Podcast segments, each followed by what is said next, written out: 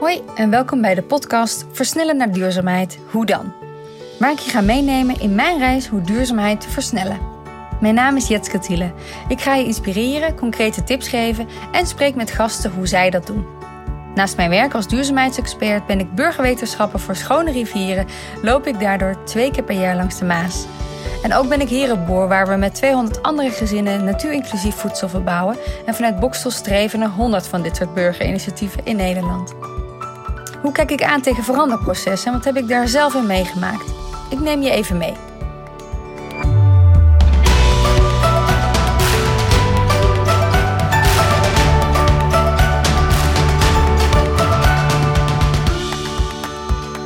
Het is 2 januari 2019, dus meer dan een jaar geleden.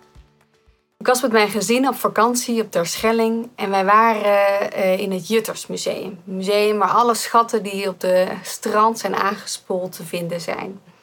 Wij zitten te neuzen tussen al die schatten en uh, verbazen ons over wat we allemaal tegenkomen.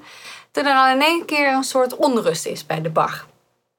En ze vragen aan ons, goh, zijn jullie al bij het strand geweest? Wij zeiden, nee, nee, we zijn nog niet geweest. Oh, maar ga maar snel, want er is iets gevonden op het strand. Er is een container aangespoeld en er kan gejut worden. Dus wij met dat enthousiasme van die mensen mee uh, op naar het strand in zo'n tandemfiets. Hè, met je zo kind voorop, ouder achterop. En samen fietsen over dat eiland richting het strand. We kwamen aan bij het strand en we zagen al mensen van de duinen afkomen met spullen in hun armen. En, uh, en wij op, nou, wat zal het zijn? We zijn benieuwd.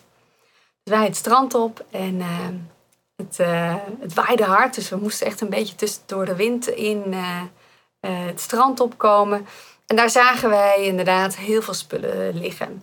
TV-onderdelen, auto-onderdelen, um, speelgoed, slippers, sandalen. Nou, ik kan je vertellen, je kan kinderen echt een gerust een uur bezighouden om sandalen te vinden. Maat 38 links en rechts. Dus er was in eerste instantie enthousiasme en, uh, en fun, plezier. Maar op een gegeven moment draai ik me om. Ik sta met mijn rug naar de zee. Het is koud, het is nat. Het is uh, vol januari, dus is gestormd. We zijn inmiddels ook helemaal doorweekt van, uh, van de regen en van de zeewater. En de rillingen gaan letterlijk over mijn lijf. want ik zie ondertussen de wind heel hard allerlei verpakkingsmateriaal de duinen in, in waaien. Ik zie mensen waardevolle spullen meenemen, maar ja, hetgeen wat je niet kan gebruiken laten liggen. En ik realiseer me dat dit eigenlijk een hele grote ramp is. Al die spullen, al het materiaal, zo de natuur in. En inmiddels bleek dat het niet ging over één container, maar over waarschijnlijk wel meer dan 200 containers. Het was echt een grote ramp. Dus ik krijg het koud en word verdrietig en denk, ja, wat, wat moeten we hiermee? We, uh, is een drama. Dus wij de volgende dag vuilniszakken mee op naar het strand. Want ja, wat kunnen we doen de rest van de vakantie? Het strand opruimen, het mogen duidelijk zijn. Dus wij het strand op en uh, er gebeurt er eigenlijk wel iets magisch. Want wij komen erop, dus eigenlijk een hele groep staat er al te werken en iedereen pakt zijn eigen rol. Dus uh, de mannen werken samen om uh, grote netten op te tillen. Die gaan allemaal vervolgens, worden die bij een, een, centrale plek neergelegd. Al de vuilniszakken worden volgestopt met alle restmaterialen. En ehm, kapot gereden plastic inmiddels natuurlijk ook. en de, gemeente heeft dan vervolgens een container klaargezet. Een boertje uit de buurt heeft een een uh, bulldozer om al die vuilniszakken daar naartoe te brengen. Uh, de kleine kinderen pakken dan vervolgens uit het zand alle stukjes plastic op. Um, dus ieder pakt zijn eigen rol. En vervolgens krijgen ik en de kinderen krijgen het inmiddels wel koud, toe aan een pauze. Kinderen krijgen gratis chocomel bij de strandpaviljoen. er is verbinding, we zijn aan het praten over, over de ramp of wat daar is gebeurd.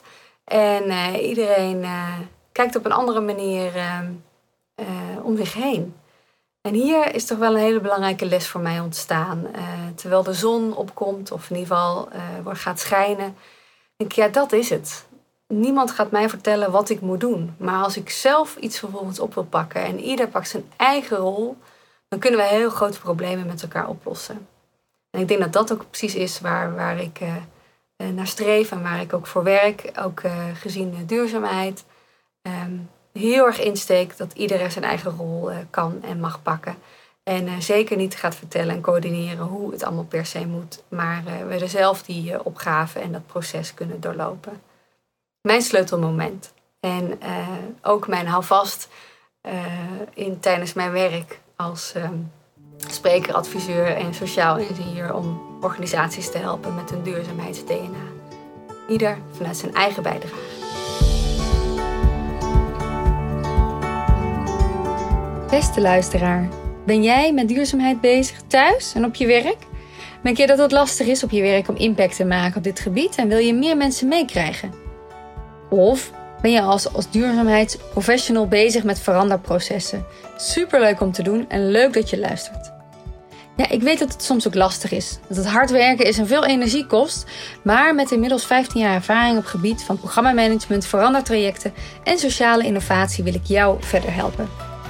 Sinds vijf jaar help ik met mijn bedrijf Duurzaam Vlechtwerk organisaties om hun duurzaamheids-DNA zichtbaar te maken en verder te ontwikkelen.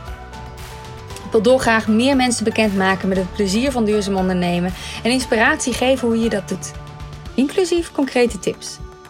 Komend jaar wil ik dat wat meer zichtbaarheid geven door onder andere een podcastserie met inspirerende professionals. Versnellen van duurzaamheid. Hoe dan? We weten allemaal dat de toekomstbestendige weg is. Alleen wat duurzaamheid is en hoe pak je dat aan, daar geef ik je tips en handvaten voor. Ik ga met gasten in gesprek over duurzaamheid en hoe je verandering organiseert, welke persoonlijke leiderschapslessen ze hebben geleerd en je krijgt concrete tips om deze reis ook zelf succesvol af te leggen. Naast de gasten zou ik zelf ook een inkijkje geven in mijn praktijk. Mijn successen, maar zeker ook mijn fouten. Dat zijn namelijk mijn grootste lessen geweest. Ik kijk erg uit om samen met jou dit avontuur aan te gaan en abonneer je daarom op deze podcast of volg me via Spotify. Dat zou me enorm helpen om meer impact te maken en zo duurzaamheid te versnellen. Super bedankt. Ik ben heel erg dankbaar voor zo'n leuke grote groep ambassadeurs en leuk netwerk. Het Duurzaam Vlechtwerk Netwerk. Daarnaast kan je via mijn site www.jetsketiele.nl je inschrijven om op de hoogte te blijven. Ik wens je heel veel luisterplezier en groot applaus voor jou en de stappen die jij neemt om duurzaamheid weer verder te brengen. Laten we dat samen doen.